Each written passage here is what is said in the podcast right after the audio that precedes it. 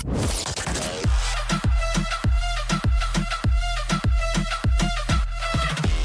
Dara, Gue Laila, and this is Kejar Paket Pintar.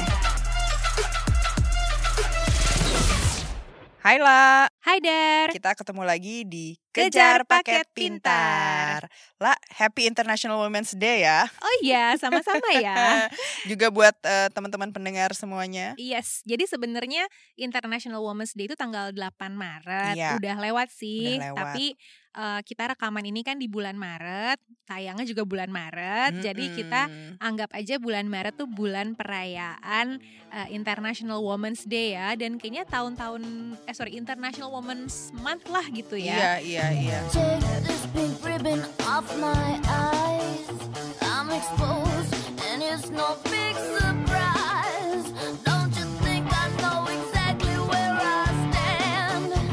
This world is forcing me to hold your hand. Cause I'm just a girl, a little lonely. Well, don't let me out of your sight. Di episode kali ini gue sama Laila mau berbagi pilihan favorit kita dari eh, akun sosial media yang dibuat oleh perempuan. Oh, Sebenarnya banyak banget sih Dar ya. banyak. konten creator favorit eh, yang cewek, terus Mm-mm. juga akun-akun perempuan tuh banyak banget yang seru-seru mulai dari yang lucu-lucuan, dari yang art-art gitu, Akademisi ya akademisi banyak banget gitu yang Benar. seru-seru tapi akhirnya eh, gue kerucutin untuk kesempatan kali ini gue cuman akan milih dua account. Gua pun juga eh, akan memilih dua account dari dua jenis platform yang berbeda. Oh, Oke. Gitu.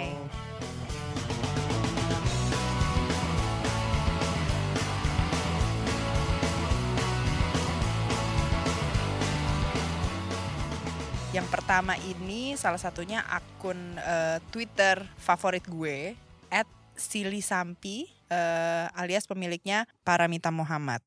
Nah, Paramita Muhammad ini dia anaknya Gunawan Muhammad, tapi kiprahnya lumayan berkibar di jagat raya advertising gitu sebagai head strategic kalau nggak salah. Setelahnya eh, lama berkiprah di dunia eh, advertising, sekarang dia punya firma sendiri namanya Communication for Change, konsultan komunikasi. Nah, kenapa akun dia jadi pilihan favorit gue? Karena isinya sih menurut gue informatif dan menambah wawasan lah Tentang gitu. apa? Jadi dia lulusan psikologi dan sekarang Mm-mm. punya konsultan komunikasi yang mana dia tuh suka berbagi ilmu tentang gimana menyusun strategi komunikasi yang baik berdasarkan ilmu-ilmu perilaku orang gitu. Oke. Apalagi buat podcast, cara penyampaian segala macam. Nah, itu tuh suka dibagi sama Mbak Mita ini di Twitternya dia gitu. Selain ada hal-hal eh, soal strategi periklanan yang baik dan yang buruk itu seperti apa gitu. Gue juga follow sih Mbak Mita. Hai Mbak Mita. Hai Mbak Mita. Mbak Mita, waktu itu kamu aku undang loh untuk jadi pembicara di KPP kok dicuekin.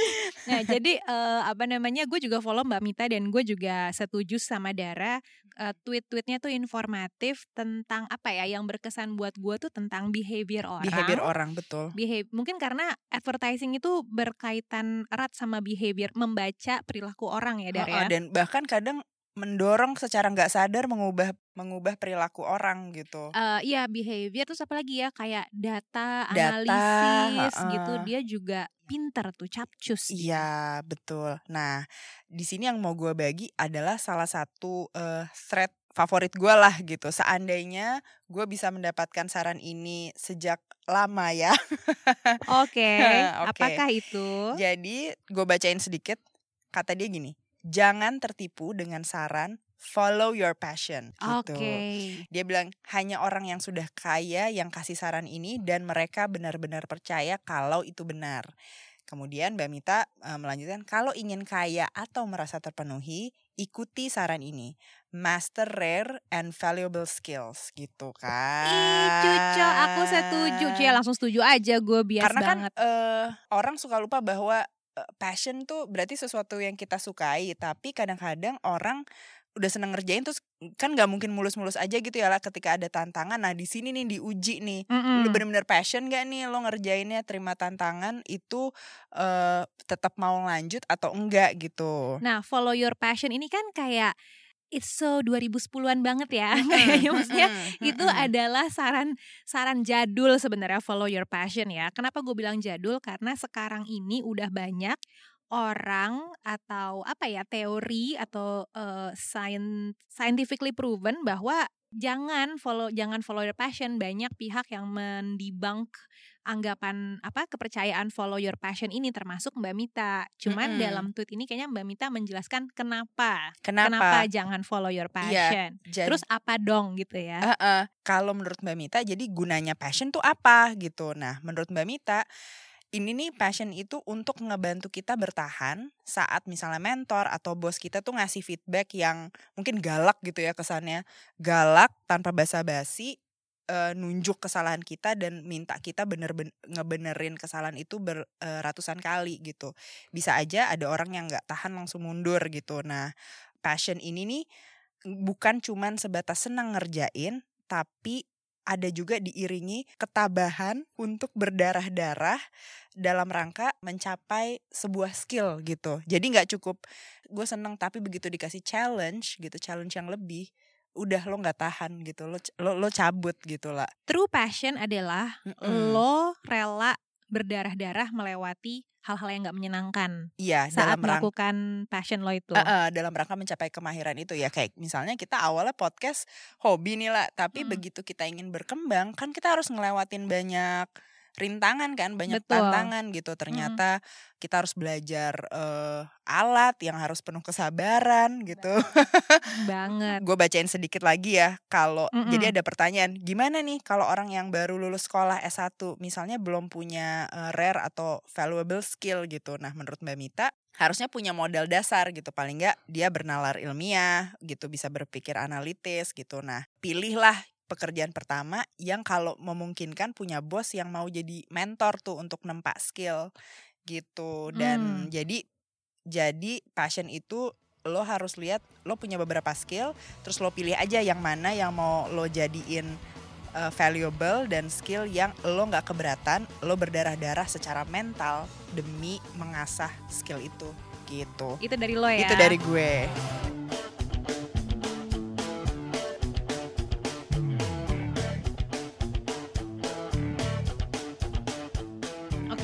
kalau dari gue nih eh, akun salah satu akun pilihan gue adalah eh, ini di Instagram, sorry. oke Di Instagram at my face story. Dia ini akun seorang em, apa ya beauty influencer namanya Kali Kushner, orang bule ya, Hmm. orang Amerika. Nah, jadi Kali Kushner nih adalah ya cewek ya, Mm-mm. dan dia itu content creator dan influencer beauty. Influencer beauty itu artinya mayoritas dia itu ngomongin eh, ngebahas soal skincare dan make up di em, akunnya gitu kan. Eh, nah, pertama gue harus bilang harus diakui makin ke sini makin banyak ya konten creator yang matang. Jadi artinya si influencer nih nggak cuma rekomendasiin produk, hey guys gitu ya, ini Hmm. bagus banget nih eh, krimnya gitu enggak, atau cuman ngasih tutorial gitu ya, Hmm. gimana makeup gini gini gini, gimana cara pakai enggak, tapi banyak influencer beauty influencer yang juga sekarang nanemin mindset. Nah, jadi si Kali Kushner ini awalnya dapat banyak follower itu karena dia nunjukin perjuangannya hidup dengan jerawat parah. Jadi Hmm. si Kali ini memang jerawatan parah, parah udah banget. udah follow dia dari kapan tuh Udah lama Oh, dari oke. 2000 berapa ya? 16 kali gue Hmm, lupa deh ya. hmm. Jadi dia memang jerawatan parah gitu kulit mukanya Mm-mm, mm-mm. saking parahnya itu jadi nangkep perhatian orang gitu kan. Jadi tuh awal-awalnya tuh konten Instagramnya tuh isinya foto-foto kulit dia ya emang apa adanya dia tunjukin gitu ya tanpa Mhm. ditutupi. Terus kayak perbandingan eh, dari hari ke hari dari bulan ke bulan gitu mukanya. Oke. Memang sekarang ini udah ada banyak konten creator kategori kecantikan yang nggak ragu nunjukin wajahnya yang jerawatan. Bahkan sengaja disorot gitu kan. Inilah wajahku memang nih kayak I'm an acne fighter atau acne warrior itu lo cek aja tagnya itu udah banyak oh banget. ada Banyak ini banget. baru tahu gue Nah, Tapi setahu gue kali ini adalah first wave Jadi salah satu Hmm. influencer yang awal-awal banget nih nunjukin jerawatnya gitu. Sekarang sih mungkin udah third wave, udah second wave kali ya, udah banyak banget gitu. Jadi sebagai salah satu creator yang awal-awal nunjukin dia jerawatan, dia ngundang banyak perhatian gitu kan. Ya. Awalnya tuh nuansa Instagramnya kali tuh agak kelam gitu loh. Jadi karena apa moodnya tuh kayak Letih gitu ya. letih gitu maksudnya kayak ya ini nih muka gue gitu ya. Memang hidup Ah. dengan jerawat tuh berat banget. Orang tuh ngeliat gue tuh kayak monster gitu kan. Tapi ya udahlah I'm just being Hmm. honest. Nggak gue tutup tutupin gitu. Jadi dia cuman bener-bener nunjukin wajahnya aja gitu. Dan sharing bahwa aduh capek banget nih sebenarnya gue hidup kayak gini gitu Terus lama-lama dia mulai apa ya sharing soal skincare rutin, terus make up rutin, terus perawatan wajahnya yang sensitif, terus lama-lama ya dapat endorsement, terus jadi brand ambassador Sebuah- beberapa skincare Oke. dan sebagainya dan sebagainya. Nah, gue tuh sempat unfollow dia, Mm-mm, terus gue follow lagi. mm-mm. Nah, pas gue follow lagi, gue cukup surprise bahwa nuansa kontennya si kali ini lumayan berubah. Jadi Hmm. Berubah bagaimana lah? Jadi lebih ceria, ceria banget. Jadi eh, si kali ini sampai sekarang sampai detik ini ya masih jerawatan. Mungkin slightly better ya, mungkin agak sedikit lebih baik karena kan eh dia awal-awal tuh kayak sempat minum obat juga gitu kan. Oke. Tapi memang wajah jerawatannya tuh masih menonjol, masih jerawatan banget gitu. Tapi konten Instagramnya tuh nggak lagi fokus ke jerawatannya, bahkan nggak terlalu fokus juga ke perawatan wajah atau make up atau kecantikan enggak. Jadi kontennya tuh ya it's about her life. Jadi dia joget-joget, tiktokan banget. Dia anak tiktok banget Hmm. yang isinya joget-joget gitu kan. Mm-mm. Terus ngomongin soal TV series Favorit favoritnya. dia, Terus dia juga ngelukis, dia ngelukis. Terus eh, dia ngepost hal-hal itu. Terus dia juga Dulu yang jarang, malah nggak ada. dulu nggak ada sama sekali Oke, bener oke. jerawat. Jadi memang platformnya tuh khusus tentang acne journey-nya ya, gitu. ya. Apalagi dia baru-baru ini hamil, terus melahirkan anak pertama. Jadi kontennya juga ada banyak baby stuff. Jadi intinya fokus ke hidupnya gitu ya. Mm-mm. Eh, memang sih masih ada konten skincare dan beauty, tapi lo bisa lihat bahwa it's not her biggest concern in life gitu. Jadi dia Oke. kayak udah nerima aja. Nah, eh, alasan gue follow dia karena gue juga tumbuh besar dengan jerawat ya. Ya. Jadi kulit gue tuh nggak pernah mulus gitu growing up. Gue relate sama orang-orang yang struggling sama jerawat. Hmm. Gue mau share salah satu kontennya Kali Kushner ini yang eh, menarik gitu ya, berkaitan dengan mm, jerawatan ini gitu. Ya. Kira-kira dia ngomong gini, kenapa sih kita memberikan kita lebih memberikan perhatian ke negativity ketimbang positivity dan lebih banyak yang nge-like juga di sosmed posting-posting yang negativity. Jadi gini, kalau misalnya ada orang nge-post bahwa dia tuh dulu dibully atau sampai sekarang dibully atau orang yang struggle dengan badannya berat badannya atau misalnya orang yang cerita soal insecurity-nya, soal traumanya, itu post itu bakal dapat banyak perhatian, bakal banyak dapat like segala macem gitu. Jadi kenapa kita merasa lebih relatable melihat seseorang itu struggling ketimbang ngelihat dia bahagia? Apakah kita ada apa kenapakah kenapa kita Kenapa lebih kita gitu ya? responsif terhadap penderitaan orang gitu apakah artinya kita itu bersimpati atau merasa feel better about ourselves yang kayak ya untung gue nggak kayak dia Iya, ya iya, gitu iya, ya iya.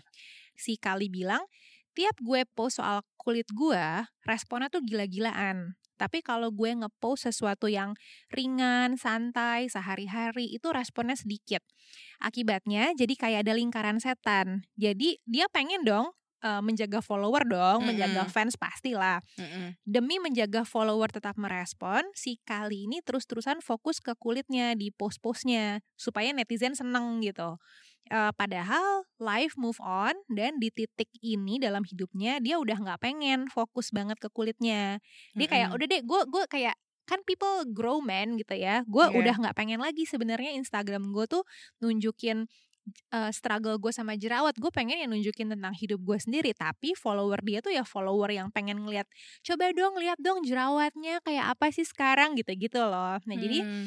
kalau jadi kalau menurut dia di Amerika nih ngetrennya tuh sekarang adalah nunjukin insecurity gitu. Menurut Vulnerability. vulnerability. Walaupun menurut gue ini trendinya di Amerika ya. Di Indonesia kayaknya belum. Di Indonesia masih yang ala-ala Instagram yang semua cantik, semua Positif. Heeh, semua Yuk, bisa positif, yuk, yuk gitu. bisa yuk Eh, anjing gue Gak bisa anjing. gue kesel yang kayak oke eh, Indonesia masih yang ala-ala positif dan yang nunjukin yang bagus-bagus aja sih masih ya. Iya, nah kalau iya. di Amerika nih trennya udah berbalik. Jadi trennya tuh orang pada nunjukin vulner- vulnerability dan insecurity gitu.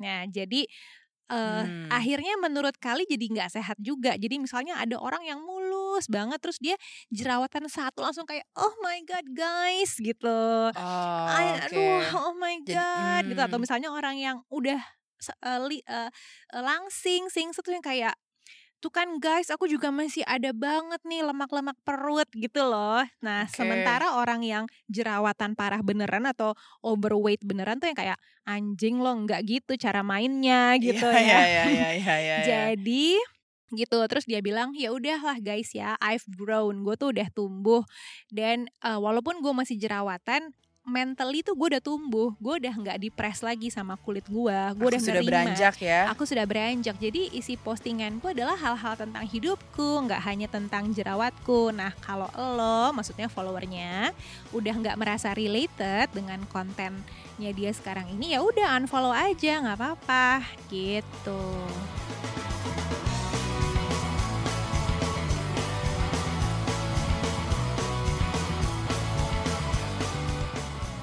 Dari Instagram, aku akan berbagi eh, akun favorit di YouTube. yuk Gue mau berbagi salah satu episode di YouTube favorit gue. Acaranya itu The Lima Show. Episode 4 berjudul Kisah Mariati yang adiknya Waria. Oke, kita harus ing- masih inget nggak ada lima show pemirsa? Ah, The lima show itu pernah kita feature ya Iya. di beberapa episode yang lalu. Betul. Jadi kalau misalnya eh, lo semua masih ingat gitu The Lima The Lima Show ini pernah kita feature karena adanya pertemuan kejar paket pintar dengan Mama Ata, si Ratu Bolu dan Madam Seroja gitu. Dari Mereka adalah waria-waria dari, dari Sanggar Seroja. Sanggar Seroja eh, eh, di yang- Jakarta Barat di Jakarta ya. Barat yang kemarin selama pandemi lumayan berjibaku tentang hidupnya kan. Nah ternyata Sanggar Seroja nih nggak cuman bikin pentas offline gitu, tapi mereka merambah ke konten online di sosial media lah gitu. Nah eh, jadi ketuanya nih Mas Riki punya production house kecil-kecilan namanya Cilomi Production gitu. Hmm, gemes. Gemes kan. Nah Hmm. Eh, jadi bikin channel lah eh, channel Cilomi Production di salah satu eh, pilihan playlistnya ada namanya The Lima Show program talk show interaktif yang dipandu oleh beberapa anggota Sanggar Seroja em, seperti Febri Official, Oh, resmi Oh, namanya, resmi, Febri ah, resmi. ah, heeh. Wanti Soraya dan Nuke Herawati gitu. Oke. Kenapa ini episode 4 kisah Mariati yang adiknya Wa- eh, judulnya adiknya Waria ini jadi favorit gua karena eh, waktu itu kan kita udah wawancara sama Mama Ata, tapi kita nggak berkesempatan ngobrol sama keluarga dekatnya Mama Ata gitu. Nah, di episode The Lima Show ini dihadirkanlah kakaknya Mama Ata gitu. Di situ diceritain soal gimana eh, Mama Ata dan keluarganya eh, menerima menerima perubahan Mama Ata lah gitu tanpa tanpa ada penolakan gitu. Bahkan si kakaknya ini panggilannya Mama He eh, mendukung Mama Ata untuk bisa terus mandiri gitu. Jadi misalnya dilesin bahasa Inggris, sekolah jahit, eh, salon Hmm. dan di The Lima Show itu gu- ngeliat lah ada keharuan si Mama He ini cerita juga ketika ada orang yang eh, kerabat jauh yang kayak ngeliat ih kok keluarga lo waria sih gitu. Nah itu tuh Mama He tuh langsung marah tuh. Ya ini kan memang sudah dia bilangnya sih sudah takdir gitu dan gak aneh gitu. Apalagi sekarang Mama Ata malah lebih bisa mandiri eh, mengurus anak dengan dengan baik gitu. Jadi Hmm. menurut gue cerita di channel ini cukup empowering apalagi si The Lima Show ini dibuat sama teman-teman yang memang menjalani hidupnya sebagai waria ataupun ya dari komunitas LGBTQ gitu. Jadi kita ngelihat perspektif eh, lain gitu. Itu sih kalau Hmm. pilihan favoritku yang kedua Ini ini. tayangannya tuh berarti dokumenter atau wawancara gitu? wawancara. Jadi kayak bentuk talk show aja gitu lah.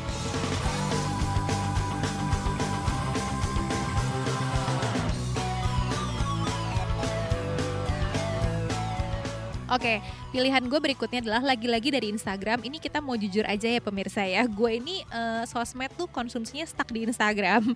Twitter mainan, cuman kayak eh, nggak terlalu intens lah gitu Ya, ya. ya, ya. TikTok ya ampun jarang banget. Walaupun seru banget ya isinya. Iya, gue install uninstall lah, install Oh, gua- uninstall gue. Gue install terus sih tapi nggak punya akun. Gue jadi juga gak punya akun tapi install uninstall. nonton doang. Lo uninstall takut ketagihan ya? Lo Ketagi- ketagihan, ketagihan kan? lo? lah gue nggak bisa berhenti gue scroll. Itu parah banget.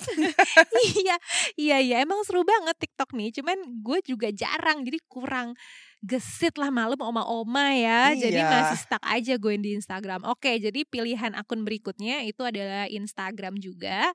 Namanya eh, You Look Like a Man. Ini jadi gue cerita dulu ya. Jadi You Look Like a Man itu akun kolektif yang ngepost hal-hal yang dikatakan laki-laki kepada perempuan eh, atlet di dunia athletics, dunia apa cabang olahraga atletik gitu.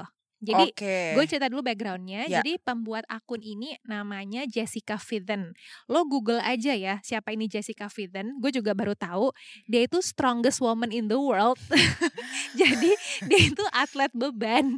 Jadi lo Ah, tahu beban kompetisi hidup mungkin beban ya. hidup. Kalau beban hidup sih kayak kita juara, sih. Juara ya. Eh, bukan dia Jessica Fithen. Jadi lo tahu kompetisi strongman gak Dar? Gak tau gue. Jadi kompetisi strongman tuh kompetisi angkat beban dan variatif beban kayak apa? Apakah barbel? Oke. Enggak juga. Jadi yang Oke. ngebalik-balikin ban, lo tau kan? Oh tahu Heeh. yang ban segede ban truk Yang eh, terus narik truk pakai tali gitu-gitu. Jadi intinya kompetisi ngangkat beban apa pun bentuknya gitu. Jadi strongman. Nah, si Jessica nih salah satu atletnya, juara-juara strongman gitulah Oh dia. gitu. Heeh. Walaupun perempuan. Oh. Heeh. dan dia memulai akun ini karena di sosmed dia mendapatkan komen-komen yang luar biasa dari cowok-cowok tentang dirinya di sosmed gitu ya. Mm-mm, Jadi oke. komen-komennya tuh bernuansa ngeledek, ngerit, ngeritik, bernuansa jijik karena cowok-cowok itu yang komen itu tuh pada jijik sama cewek berotot. Padahal menurut gue bukan menurut Hmm. gue ya, ini harusnya it's 2021 gitu ya, 2021. 21. Orang tuh mau ngapain juga selalu deh kan anything Iya. as long as nggak mencelakakan orang lain, nggak merugikan orang lain. Kalau ada cewek berotot, ya udah so what gitu kan. Nah, Iya, masalahnya kita harus akuin aja cowok, bahkan juga cewek kali ya pada umumnya itu jijik sama cewek berotot. Kan gitu. Kesannya tuh perempuan harusnya badannya, Badannya tuh ya singset langsing, Heeh. per- feminin lah gitu feminin kan. ya ya ya Nah, benar. kalau berotot itu pada jijik gitu. Nah, anyway, Jessica ini tahun 2019 tuh bikin platform di Instagram. Eh, judulnya ya tadi ya, You Look Like a Man, yang isinya tuh screenshot. Jadi screenshot komen-komen cowok yang ditujukan kepada cewek-cewek di dunia, di dunia atletik. Jadi cewek-cewek bodybuilder, cewek-cewek eh, atlet angkat beban, pokoknya yang fisiknya dianggap maskulin. Gue nggak baca semua screenshotnya karena banyak banget loh yang di share di Instagram itu ya. Tapi kesimpulan gue, gue kategorikan komen-komen ke cewek-cewek ini dari cowok-cowok itu tuh isinya gini. Pertama Mm-mm. itu komen jijik. Hmm. Jadi lo lo jelek banget, lo kayak cowok, lo pasti punya titit, titit lo pasti gede banget Hmm. gitu kan. Mana coba jangan kayak gitu gitu ya. Jangan- ah, hmm, mana oke. jakun lo? Ya udah kasar banget ya. Oh, Mana iya, jakun iya, lo? iya, iya. Lo nggak akan pernah dapet suami deh. Atau ini cewek apa cowok sih?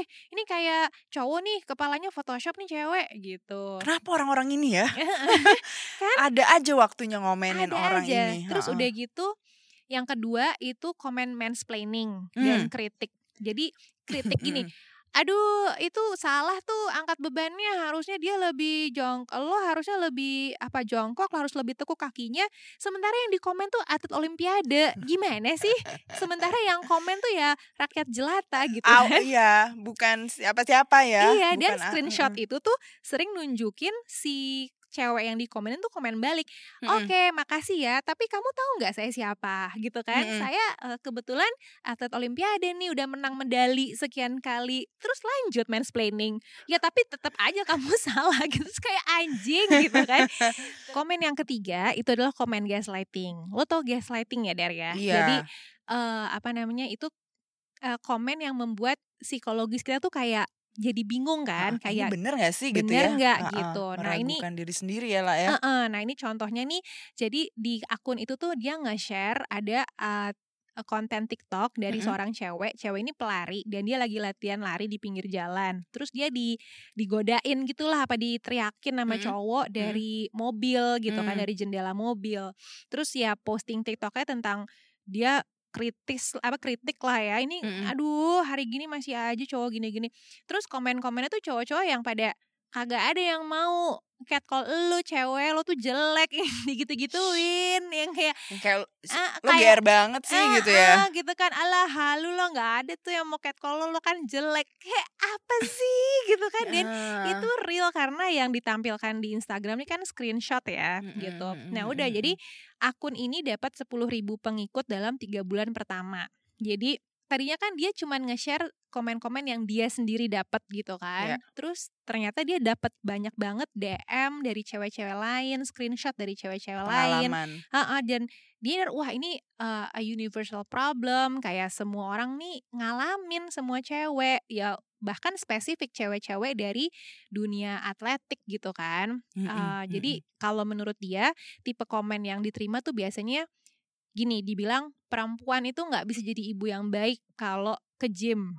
Terus perempuan yang berotot tuh nggak akan dapet real love deh, nggak ada yang mau pacarin gitu. Terus Hmm. perempuan itu kalau angkat beban atau olahraga yang kompetitif itu bikin mereka jadi nggak subur. Hmm, Terus perempuan itu intinya dibilangin bahwa tugas utama mereka adalah tampil menarik buat cowok. Dan hal-hal yang mereka lakukan tuh harus harus menyenangkan di mata pria. Kayak lo terserah mau ngapain, tapi lo harus enak dilihat ya sama cowok Iya, iya, gitu. iya. Terus Ya. udah gitu, mm, sering juga gini, smile, smile dong gitu, senyum dong. Jadi lo kalau angkat beban gitu senyum dong lo jadi makin intimidatif kalau nggak senyum gimana lo mau dideketin cowok gitu kan Jadi kayak Yeh. Eh, gitu kan kesel banget nah si Jessica bilang bahwa em, kalau cewek itu direndahkan atau diheres kayak gini kan suka dibilang ya udah cuekin aja gitu kan ya udah diem aja cuekin aja Ya, ya, tapi ya, ya. kalau begitu kalau kita diem aja itu artinya menyuburkan pel- eh, perilaku seperti itu kan dan impunitas. impunitas Nggak melanggeng ada hukuman ya. Eh, eh, Heeh. melanggengkan perilaku kayak gitu kalau kita diem aja dibilang diem aja diem ya udah cuekin aja cuekin aja ya nggak gitu gitu kan Hmm. harus ya you have to do something gitu dan kalau kita diem aja kesannya komen-komen kayak gitu normal gitu Padahal ah enggak. iyalah Iya. jadi kesannya tuh ngomong kayak gini tuh normal jadi it becomes normalized gitu kan dan kalau pelecehan terhadap cewek-cewek em, atletik ini terus-terusan berlanjut jadi kan pertama cewek jadi ragu kan kalau mau angkat beban kalau mau olahraga yang apa ya ya olahraga apa pun lah gitu kan aduh takut Mm-mm. badanku gede Ngebatasin diri sendiri ya ngebatasin jadinya. diri sendiri gitu dan perempuan jadi merasa terbatasi bahwa latihan fisik atau olahraga yang mereka bisa lakukan cuma tipe olahraga yang bikin mereka langsing bukan kuat gitu jadi Iya, kayak lari atau ya zumba atau Mm-mm. yoga, pilates yoga, yoga. jadi heeh.